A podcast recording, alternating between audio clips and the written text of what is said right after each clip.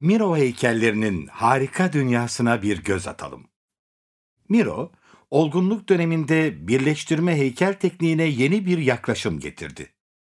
Çevresinde bulduğu nesneleri bir araya getiriyor, sonra bronza döküyordu.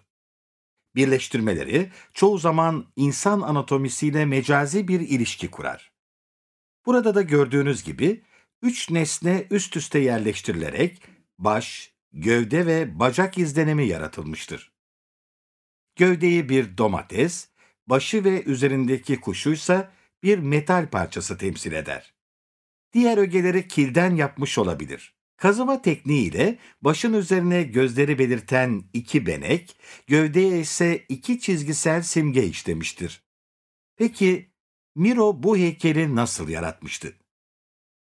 Palma de Mallorca'daki yeni stüdyolarına taşınan Miro, bulduğu nesneleri birleştirmeye başlamıştı. Bitki kökleri, sebzeler, mutfak araçları gibi nesneleri stüdyosunda yere seriyor, aralarında ilişki kurmaya çalışıyordu. Bir araya getireceği parçaları seçince çeşitli kombinasyonlar deniyor ve eskizler çiziyordu. Biraz ötedeki birleştirmede bir ayak heykelin bir parçası olmuştur. Bu heykelin eskizlerine bir bakın. Belirli bir kombinasyonda karar kılınca parçaları birleştiriyordu.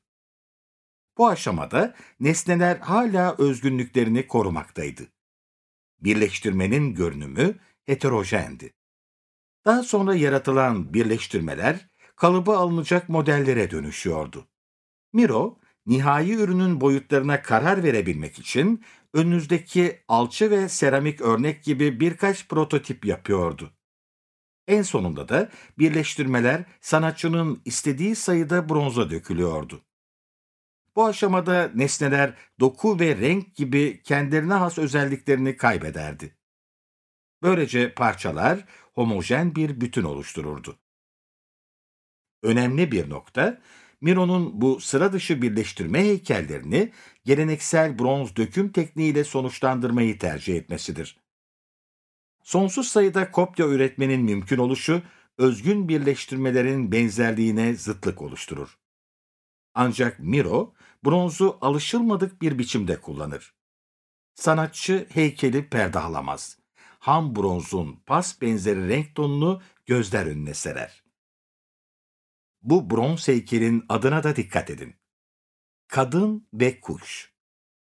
Heykellerinin adları da tıpkı tablolarının adları gibi Miro'nun saplantıları olarak tanımladığı temalara göndermede bulunur.